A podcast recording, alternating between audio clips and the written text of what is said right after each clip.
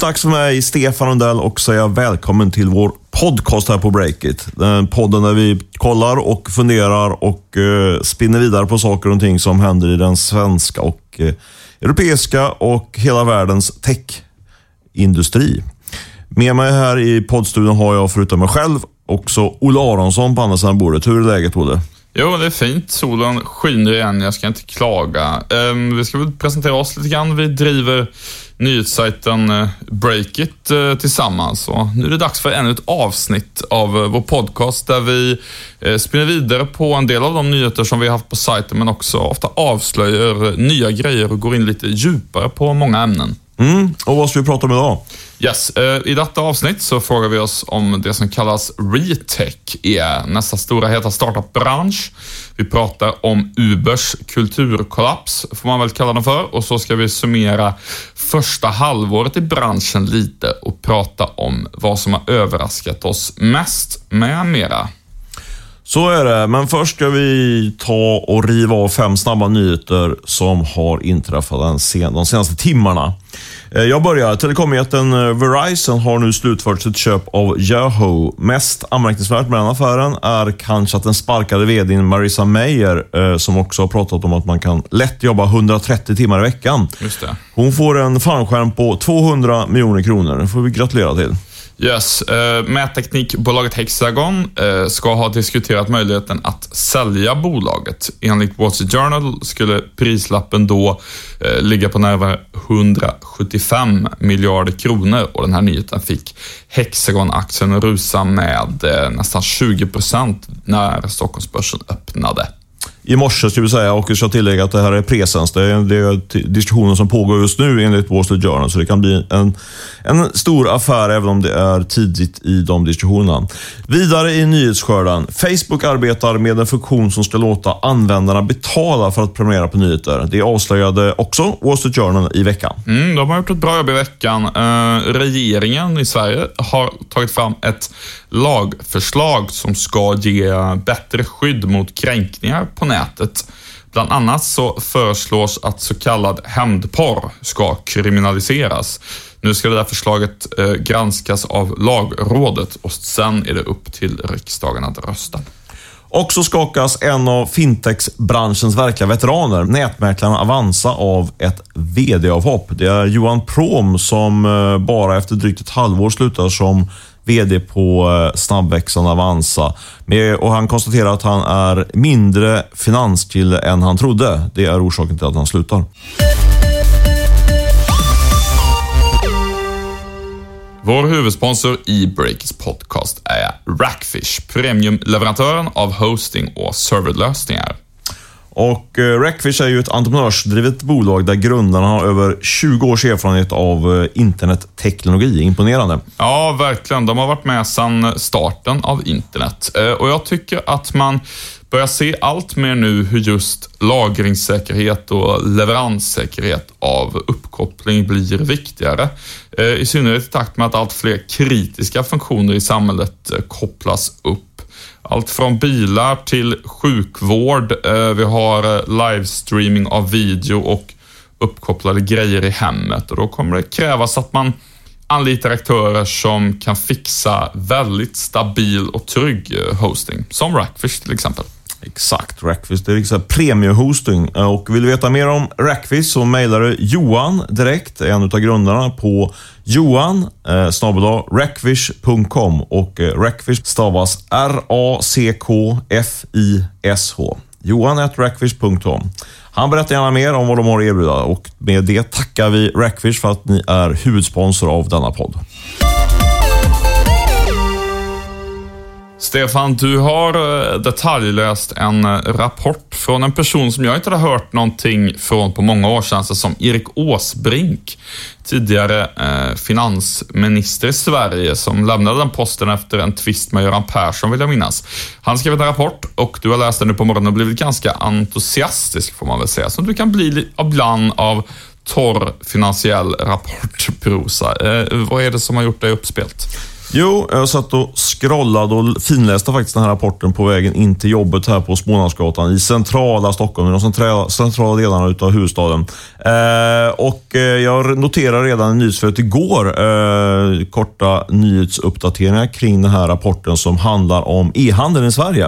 Eh, men som ganska ofta när man, när man väl går till källorna och tittar på ursprungshandlingar så hittar man lite mer information och mer intressant fördjupande information. Eh, och så var fallet den här gången. Därav min min eh, får man säga, upphetsning när jag läste Erik Åsbrinks rapport som han bland annat gjort med, eh, den här rapporten har gjort tillsammans med Anna Fällander, vet du? Nej? Anna Fällander som tidigare var digitaliseringsekonom på Swedbank. Ja, men exakt. Jag var lite osäker på förnamnet där. Men Anna, eh, som jag faktiskt känner lite grann, hon har också varit med och skrivit den här rapporten. Hon, hon är ju även hon en vass person. Eh, precis som Erik Åsbrink. Jo, den här rapporten då, den handlar alltså, den har den inte så jättelockande rubriken Handelns betydelse då, nu och i framtiden. De är inte så bra på rubriksättning, men däremot bättre på innehåll. Och Det är väl två saker i den här rapporten som, jag, som sticker ut. för att säga. Eh, dels är det att eh, man verkligen ser att e-handeln nu på allvar håller på och får man säga, explodera i Sverige. Eh, de gör en profetia att den kommer stå för uppemot 75 procent av hela handeln på, på lite sikt. Redan om typ fem år så kommer 25 procent av all handel i Sverige sker via, via nätet. Och Då ska man säga då att det var inte så länge sedan, det var ganska många som gick ut och sa att ja, men e-handeln kanske blir 10 eh, procent 10-15 procent så av handeln, men sen kanske det stannar där. Det, det fanns en hel del seriösa eh, kommentatorer som, som sa så och eh, det, det ser ut att bli väldigt fel. Mm, ja men faktiskt. Och det här är ju då potentater i det här sammanhanget. Eh, Handelns ekonomiska råd är det som står bakom rapporten. Det är Svensk Handel och ett antal fackförbund som har bra insyn i, i allt vad som har att göra med handel eh, att göra. Eh, så jag tycker att det är en väldigt intressant datapunkt. Och när jag läste den där eh, rapporten, jag pratade också med, med ett antal, eller inte antal, så två stycken riktigt tunga e-handels personer. Eh, och de bekräftar ju mycket riktigt den här bilden av att e-handeln eh, verkligen håller på att ta fart i Sverige. Jag pratade bland annat med, med Magnus Wiberg som, eh, som drog igång Pricerun och numera kör riskkapitalbolaget i Equity.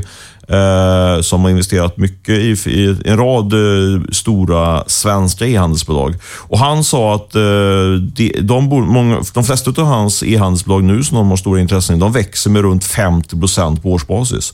Eh, och Det intressanta som han sa också att var att eh, ju större bolagen blir, eh, ju större blir tillväxten. Det brukar vara tvärtom. När man växer så brukar ju de tillväxttalen i procentuella procentuellt då minska, men här är det ju en riktigt skön sweet spot de hamnat i, där de ökar omsättningen och, både procentuellt och i, räknat i kronor. Då. Just det, det, det kan man nästan tänka sig på ett sätt. Jag brukar själv tycka det är bättre att handla på stora e-handlare. De har stora lager och och, och sådär och ofta väldigt eh, förmånliga fraktvillkor. Jag handlade till exempel på Footway nyligen. Då var det 180 dagars öppet köp. Mm -hmm. det, är lite, det, är lite, svårt att ha tror jag om man är en, en ganska liten e-handlare med mer begränsad eh, likviditet. Ja, men det var väl Magnus Wibergs teori också, då, att de stora starka varumärkena är, eh, är vinnare helt enkelt i det här, i det här tillväxtracet då, som vi bevittnar just nu. Du, eh, du har hittat ett par andra riktigt konkreta slutsatser i den här e-handelsrapporten. Vad är det för någonting? Ja, förutom att det då växer så det knakar på, på en, helt, en helt annan dimension än man kanske hade räknat med för något år sedan eller två, är det också intressant i den här rapporten att man lanserar ett nytt begrepp som, het, som går under benämningen Retech-kluster. Retech. Eh, och Det innebär egentligen eh, att man lyfter fram allting som är runt själva kärnverksamheten i handel. Alltså de här begreppen last mile, eh, alltså hur man tar varan den sista biten fram till kunden. Eh, man fokuserar på sälj, marknadsföring, marknadsplatser lägger man in även där. Och pekar, fram, pekar ut företag som Soundtracker Brand som jobbar med med eh, hur man ska med, via musik då ska få fart på försäljningen. Ticktail, Fyndik, Price Runner och så vidare. Eh, och eh, De här rapportskribenterna då, de menar att det här är ett, eh, en, ett segment som, som har potential att växa väldigt, väldigt fort i Sverige. Eh, de drar liknelser med eh, fintech-sektorn som är, som är väldigt stor redan idag i Sverige och tror att eh, det här kan bli ett segment som blir förmodligen kan bli större eh, om man så att säga, spelar korten rätt. då. Uh, tycker jag är jätteintressant och det är något som jag vet till exempel en sån e-handelsinvesteringsexpert som Jessica Nilsson har fram, framhållit att det är liksom runt eh, tjänsterna runt själva e-handeln. Det, det är där den stora tillväxten och skalmöjligheten finns. Det är lite det här Klondike-scenariot som alla använder som en kliché, att det var inte guldgrävarna som blev rika, utan de som sålde hackor till, till guldgrävarna. Ja, men precis. Eh, samtidigt så, så pekar om då rapportskribenterna på att eh, risken med eh, om man inte så att säga, utnyttjar den här den här grogrunden det finns för det här retech-klustret i Sverige är ju att, eh, att de här alltså e-handlarna och alla andra som är aktiva i branschen kommer bli omkörda av utländska jättar som Zalando, Amazon och liknande. Men det finns som sagt väldigt bra grogrund för. Dels är om man då tar liknelsen mot fintech så är är ju handelssegmentet i Sverige tre, fyra gånger så stort som, eh, som finanssektorn i Sverige som ändå är ganska stor. Eh, och digitalisering har kanske större påverkan i handeln jämfört med finanssektorn, eh, vilket indikerar att kanske då 75 procent av, av handeln kommer migrera till, till nätet. Mm. Och Sen då har man då historiskt en, ett, en, ett väldigt många duktiga entreprenörer inom e-handelssegmentet, eller inom handelssegmentet. Ikea och H&M är det bästa exemplet. då. Och Det i kombination med den höga eh, IT och teknikkompetens vi har här i, i Sverige. Det, där kan bli en riktigt skön match, vilket innebär att vi kan bädda för en, för en ny spännande techsegment som då kallas för retech. Vi får se. Jag, jag skulle bara vilja bolla in en grej ja. till. Ibland um, får man mail från folk som lyssnar på podden som är studenter eller i, i den åldern. Och jag skulle bara, um, vi pratar ju mycket om att programmerare, det är ju något, en framtids uh, utbildning, men jag tror verkligen att det är stor brist inom e-handeln nu på duktiga, typ såna här log logistics managers, marketing managers, alla sådana där roller som, ja, om man är duktig på marknadsföring på Instagram för e-handeln eller vad det nu är. Det, det där kommer nog eh, bli väldigt stora um, ja, befattningar som väldigt många människor jobbar med i Sverige i framtiden helt enkelt, tror jag. Och, eh, kan vara ett litet tips till någon som vill gå en, eh, inte jättelång kanske, utbildning och eh, komma snabbt in på ett bolag som, som växer mycket och känns, eh, känns kul. Bra karriärtips signerat Olle Aronsson.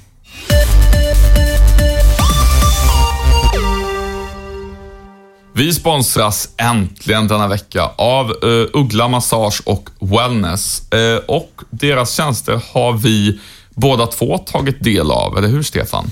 Ja, i högsta grad. Faktiskt i detta rum som vi nu sitter och spelar in podden eh, har jag fått ta del utav massa, eller fått eh, njuta av massage från Marie från Uggla Massage och Wellness.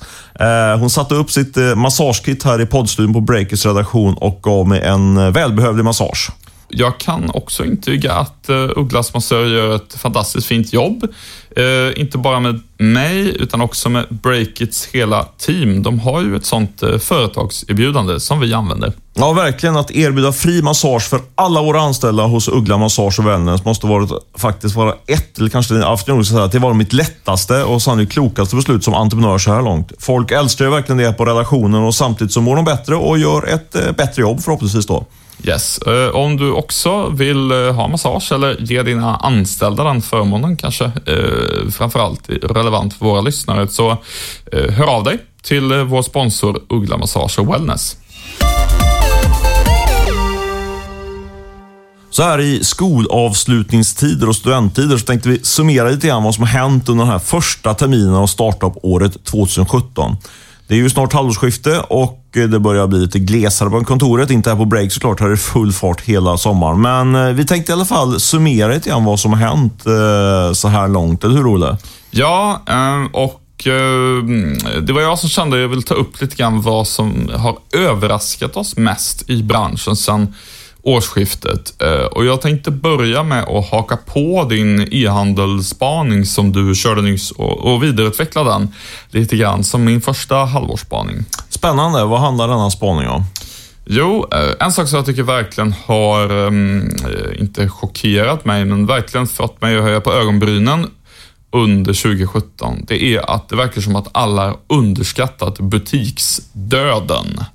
Det har ju verkligen blivit ordet på många släppar på ett sätt inte alls var för till exempel ett år sedan. Men inte i Sverige va? Framförallt, framförallt USA? Precis, eh, det stämmer. Det är primärt eh, i Sverige, men jag tror också att det är... Ja, liksom... Primärt i USA menar du? Nu sa du fel. Ja, förlåt, ja, exakt. Det är lugnt. Jag är en riktig ordmarkare. Nej, men du har helt rätt. Primärt i USA får man säga.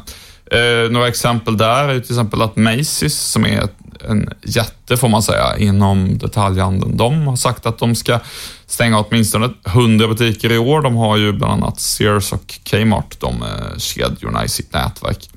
Eh, butiksbolagen har ju också gått knackigt på börsen och apropå börsen så har ju H&M där varit strykpåsen nummer ett bland de riktigt stora bolagen och där är det ju om man tittar på mm, en av huvud argumenten som de kritiska analytikerna har, det är ju att H&M's liksom intäkt per kvadratmeter i butik kan man väl säga lite förenklat. Eh, den är för dålig, tycker de. Och det här sker ju då parallellt med det som du nyss pratade om, att e-handeln utvecklas väldigt kraftigt. Och det här har ju faktiskt ehm, konsekvenser, tror jag, även i Sverige att eh, nu börjar många företag se att det där med fysisk butik, det är inte lika hett som det var innan. Och det får ju förstås konsekvenser för de startups som har riktat in sig på det segmentet. Då tänker jag till exempel på, eh, för några år sedan eh, när vi poddade för Bonniers räkning så pratade vi mycket om iBeacon Proximity-bolagen, Shopjoy, Glimmer, alla de här bolagen som skulle göra det möjligt att skicka typ pushnotiser till folks mobiler när de var inne i en butik. Eh, Eh, Apple släppte den här iBeacon-tekniken det var väldigt, väldigt hett. Amazon testade den och så vidare. Och det där känns som att man knappt har hört någonting om det senaste året, att det skulle vara mer på gång. Och mer eh, butiksdöd vore ju... Det, det känns ju knappast som att det heller är positivt för de startups som, som riktar in sig på och, och fysiska butiker, så att säga. Eller vad säger du? Nej, eh, jag tycker att det är en eh, spännande eh, spaning du kommer med där. Jag måste också flagga för, eller tipsa om en, en annan podcast faktiskt, som heter Kapitalet, som Jakob Bursell kör. Han gjorde en, ett e-handelsspecial här för, för ett par avsnitt sedan, där han lyfte upp flera ja, under, en, under en, nästan en timme pratade ännu mer om det här. Du pratade ju föredömligt om det här, kort och koncist, men, men eh, om man vill veta mer om det där så tycker jag faktiskt, eh, skulle verkligen vilja rekommendera den. För det var, det var lite en eh, ögon och öronöppnare för mig just kring den här butiksdöden. Att det verkligen är eh, det, det, är dramatiskt och det kommer ske väldigt mycket de närmaste åren. Eh, och Det understryks som inte minst av den här rapporten som jag refererade tidigare Ja, verkligen. Det påverkar ju till exempel fastighetsbolag jättemycket. Precis, det pratar han en hel del om. Eh, och här i Sverige har vi ju en eh, prominent startup som faktiskt har haft um, ja, Rap helt enkelt. Det, Raps case har hela tiden varit att uh, e-handeln, där har man ju tillgång till hur mycket data som helst om vad kunderna köper och vad de inte köper och så i realtid. Men det har man inte inom den fysiska handeln och Raps eh, case mot investerare har ju varit att de ska bli verktyget för det inom fysisk handel och det kan de säkert bli, men om Erik Åsbrink får rätt i sin rapport då att eh, 75 procent av handeln blir e-handel till slut, då ser inte det investeringscaset lika kul ut som man kanske hade trott. Från början, det är lite, ja, det är intressant. Du, eh, vad har du för halvårsspaningar? Ja, jag älskar ju att prata om eh, finansiella eh, saker och börsen, eh, inte minst. Eh, och eh, Om man skulle konkludera det i en mening så skulle jag säga att eh, det som jag tar med mig från från det första halvåret, just om man fokuserar på börs och finans, är att Stockholmsbörsen nu älskar tech. Det var inte så hård och rak med. Stockholmsbörsen älskar tech, det var lite hårdare rubriksättning. eh, det där är, tycker jag är väldigt tydligt, blivit väldigt tydligt eh, mer och mer under våren här. Eh, nu har vi såg i och sig en nedgång här i, i USA då på techaktier som var väldigt dramatiskt i fredags och under måndagen. Nu har de återhämtat sig lite grann.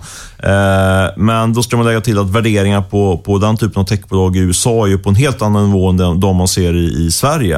Eh, för om vi går tillbaka till Sverige så, så kan vi konstatera att eh, eh, investerarna nu formligen kastar pengar efter bolag med någon form av techkoppling. Särskilt om de också kan uppvisa någon liten vinst med. Då är de riktigt, riktigt sugna på att investera i, eh, i tech. Bästa exemplet på det här är ju Boost, eh, e-handlaren som noteras här för ett par veckor sedan. Eh, som jag hörde nu precis innan vi började spela in den här podden att de körde en så kallad dual track, vilket innebär att man först eh, man utvärderar två spår kan man säga. Man säger att man ska gå till börsen, men man ska också eh, titta om det finns någon köpare utanför börsen. Eh, Eh, det är ett rätt vanligt eh, fenomen. Eh, det gjorde man då i det här fallet också och det visade sig att buden då man fick in från aktörer, riskkapitalaktörer framförallt, utanför börsen var 25 procent under den teckningskursen som till sist sattes då på Boost.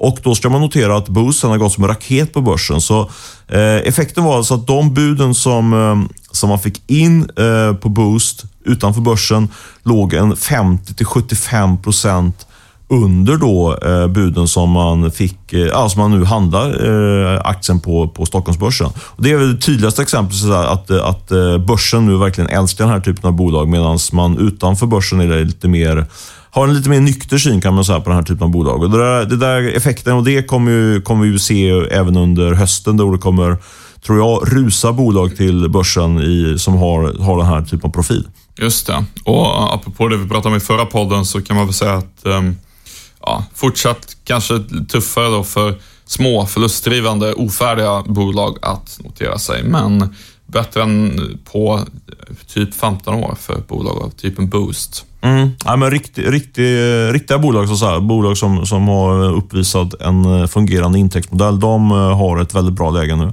Dessvärre tror jag då att Eh, vi kommer få en sättning på börsen snart. Eh, räntorna är på väg upp, eh, inte minst i USA och det brukar ju förr eller senare leda till att börsen korrigeras lite ner, men då kan man stoppa sina pengar i andra saker. Till exempel guld eller vad då? Ja, bitcoin ja, misstänker att du är ute efter. Ja, det är, min, det är nog det jag har tagit med mig mest av allt som har överraskat mig under det här halvåret. Rusningen i bitcoin, 2762 dollar stod kursen i innan vi spelar in det här avsnittet. Det är ju flera hundra procent på bara några månader. Eh, det känns alltid meningslöst att räkna ut exakt för det förändras radikalt eh, på sekundbasis i princip. Men eh, jag tror ju att det här ändå måste bädda för en andra rush av bitcoin-relaterade startups. Eh, vi såg en sån rush 2013, 2014 där. Sen blev det typ iskallt 2015, 2016 och nu tror jag helt enkelt att bitcoin startups kommer att komma tillbaka. Uh, Intressant spaning jag tycker jag. Jag, jag, jag har faktiskt inte tänkt på det. Alltså, jag har funderat en del på varför bitcoin har eh, stuckit iväg så igen och konstaterat att det har blivit en ny hås där kring Men men eh, just eh, startups relaterat till bitcoin, det har jag inte, det har jag inte tänkt på. Men det, så är det ju säkert. Liksom. Ja, och det, man börjar se då nu också att um, i, i vissa länder mer än andra så börjar bitcoin bli ett allt vanligare betalmedel. Hette faktiskt. Japan tror jag, visst är det så? Ja, eh, i Japan eh, så um, ska det väl, ja, så här, det, det, är alltid lite otydligt hur rätt det egentligen är, men eh, I Japan ska ju investerarintresset ha ökat mycket senaste tiden. I bland annat Indonesien så um, har det kommit rapporter i flera medier om att allt fler nu tar emot bitcoin som betalmedel. Jag tycker det är väldigt svårt som liksom svensk journalist att tolka in alla de här sakerna och värdera och väga dem mot varandra, men jag tror väl att man kan säga som så mycket att det är ju, vi i Sverige märker ju inte det här, för att det är ju helt an, i helt andra länder än Sverige som poängen med bitcoin som betalmedel är störst. Alltså vi har ju redan så mycket smidiga betal lösningar och sätt att föra över pengar och swish och allt sånt där. Liksom. Men om man inte har det och eh, lever i typ Indonesien kan det säkert vara mycket mer relevant. Så är det, men jag tycker att det är ett bra uppslag att kolla på om det finns några svenska startups som ger sig in i det här segmentet. En annan intressant datapunkt i det där sammanhanget är att jag här på morgonen, tidigt på morgonen, pratade med en, en chefsperson på, på kontoret som har gjort en, eh, gjort en stor investering i bitcoin. Köpt bitcoin för ungefär 100 000 kronor. Ingen nämnd, ingen, nämnd, ingen glömd. Vad säger man? Nej, men det är en person som jag tycker är väldigt duktig på att göra affärer, eh, kan man väl säga. Ja, det får man säga. Han, ja, nu, nu kanske vi avslöjar den här personen något mer. Nu, nu sätter vi sto, stopp på det där. Har vi någon mer spaning eller är vi nöjda med det? Ja, men jag, jag, tycker att vi är nöjda med de tre spaningarna. Så om vi ska summera, eh, tycker jag, de stora överraskningarna under första eh, terminen så är det eh, detaljhandelsdöden eh, kopplad då till e-handelsboomen det är att eh, börsen formligen älskar techbolag ännu mer och betalar bättre än den privata marknaden om det är mogna, eh, hyfsat mogna techbolag. Och det tredje då att bitcoin bara rusar och um, att uh, det kommer komma fler startups som sysslar med bitcoin igen helt enkelt. Den här podden sponsras av Swedbank, banken som satsar på att skapa mer innovation i samhället. Eh, och Swedbank vill ju få fler att starta eget, eh, särskilt då inom nischer som bidrar till en bättre värld. Därför har de dragit igång initiativet Swedbank Rivstart. Det är en tävling dit alla är välkomna att skicka in affärsidéer. Den röda tråden ska vara innovatörer som på ett eller annat sätt bidrar till en bättre värld. Till exempel en teknik som kan öka användningen av solceller. Det räcker inte att det går att tjäna pengar på idén, utan måste också ge samhället en skjuts i rätt riktning. Yes, och tävlingen går till så att en jury utser 10 vinnare som får 250 000 kronor vardera i startkapital och dessutom plats i ett utvecklingsprogram och hjälp med att genomföra idén. Målet då med Swedbank Rivstart är att 10 nya samhällsförbättrande företag ska födas tack vare satsningen. Eh, och med det så tackar vi Swedbank för att ni sponsrar vår podd. Innan vi avslutar den här podden måste vi såklart prata om krisen i det stekhetta techbolaget Uber. Yes, Uber som är världens eh, största startup kan vi kalla dem för. De har inte gått till börsen än. Eh, de eh, har ju varit otroligt både fascinerande och tragiska att eh, följa under de senaste månaderna. Eh, du utspelar sig ett drama i ledningen som kulminerade då eh, igår, tisdag, då vdn och grundaren Travis Kalanick tog eh, timeout. Lite kort bakgrund. Ehm, Ubers styrelse har ju efter eh, mycket hård kritik från anställda och tidigare anställda tillsatt en utredning som ska gå till botten bland annat med sex trakasserier på bolaget. Uh, och den som har varit städgeneral och lett den här utredningen är uh, ingen mindre än Ariana Huffington. Hon har ju grundat Huffington Post, nyhetssajten, och sitter också i Ubers styrelse. Ett gäng människor har fått sparken som ett resultat av eh, den här utredningen. Bland annat vice vdn Emil Michael eh, och ytterligare 20 personer. Och um, nu så tar då Travis Kalanick timeout på obestämd tid. Varför tar de timeout? Eh, det är faktiskt en kombination av olika saker. Eh, det är faktiskt dessvärre så att hans mor nyligen har gått bort eh, och hans far vårdas faktiskt fortfarande med kritiska skador efter en båtolycka. Väldigt tråkigt förstås, men också beror det på det kaotiska läget i ledningen på Uber. Så det är en kombination av, av privata och, och affärsmässiga skäl kan man väl säga.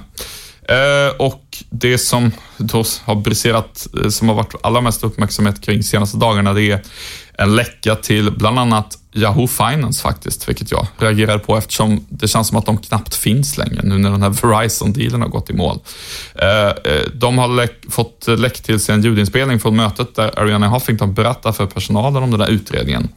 Och Då säger hon att en av de saker som kommer bli bättre nu på Uber är att man lägger till en till kvinna till styrelsen.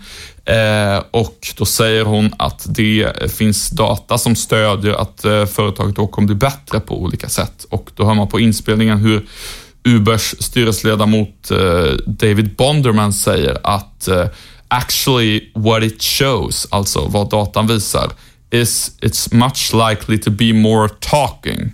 Han tycker då att det kommer bli mer prat i styrelserummet när, när man får en till kvinna. Och då hör man Ariana Huffington säga “Oh, come on David”. Han har nu fått eh, avgå från styrelsen. Låter rimligt. Men du, vad kan vi dra för bredare slutsatser av det här att, att uh, vd nu och grundaren uh, tar en timeout?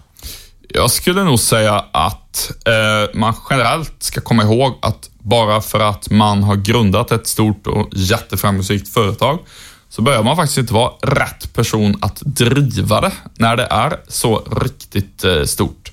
Det finns ju många som har lyckats jättebra med det. Eh, nu för tiden tänker man ju till exempel på Daniel Ek i Sverige eller Jeff Bezos, Mark Zuckerberg i USA till exempel. Eller Stefan Rundell som drog om breaket nu tagit ett steg tillbaka när han tog vd-posten till Olle Aronsson. Eller gjorde han från början i och för sig. Jag skulle säga att vi är, vi är i en väldigt liten dimension där. Det är nog svårt att dra någon, någon, någon vettig parallell.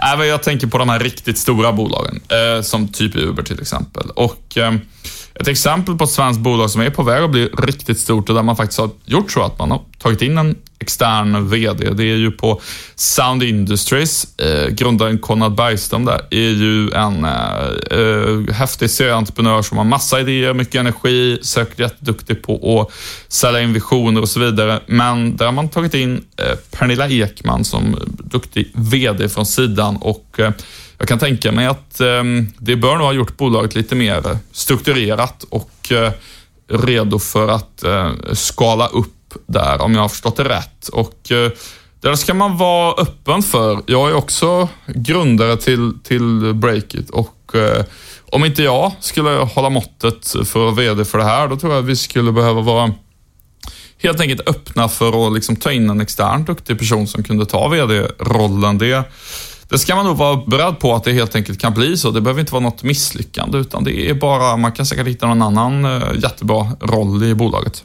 Verkligen, det tror du har helt rätt i. Det är, jag tror att det är två olika kompetenser många gånger. Att driva ett företag, eh, dra igång ett företag och sen driva det vidare när det kommer till andra annan nivå. Så det är nog en eh, relevant spaning och korrekt spaning från dig, Olle. Eh, du, eh, det är väl dags att runda av. Vi har haft en ganska lite längre podd idag med mycket spaningar och många sponsorer, vilket vi gillar. Eh, Hårt köptryck. Ja, men absolut. Högkonjunktur. Sälj, sälj, säljsignal kanske. Att det jag har tre obesvarade mejl från potentiella poddsponsorer i min mailbox. Underbart, bara, underbart. ta emot alla förfrågningar. Snabba er, alla ni som vill sponsra podden eller eh, vill göra något annat spännande kommersiellt med oss. Eller framförallt om ni ringer till mig så ska ni ha några heta nyheter. Jag är ju innehållschef på Breakit. Fortfarande. Vi får se om Olle ger mig fortsatt förtroende framöver. Mm, eh, tronstriden fortgår. Absolut. Eh, jo, men, då, ja, men vi rundar väl av helt enkelt. Så jag tackar Rackfish då som huvudsponsor och ska också äh, säga att Beppo ljudproduktion klipper och äh, fixar till det här avsnittet så det kommer ut i era öron, ni som lyssnar nu. Eh, I övrigt så säger jag bara tack och hej om inte Olle har något att tillägga. Nej, ta hand om er och ha det skönt så hörs vi nästa vecka.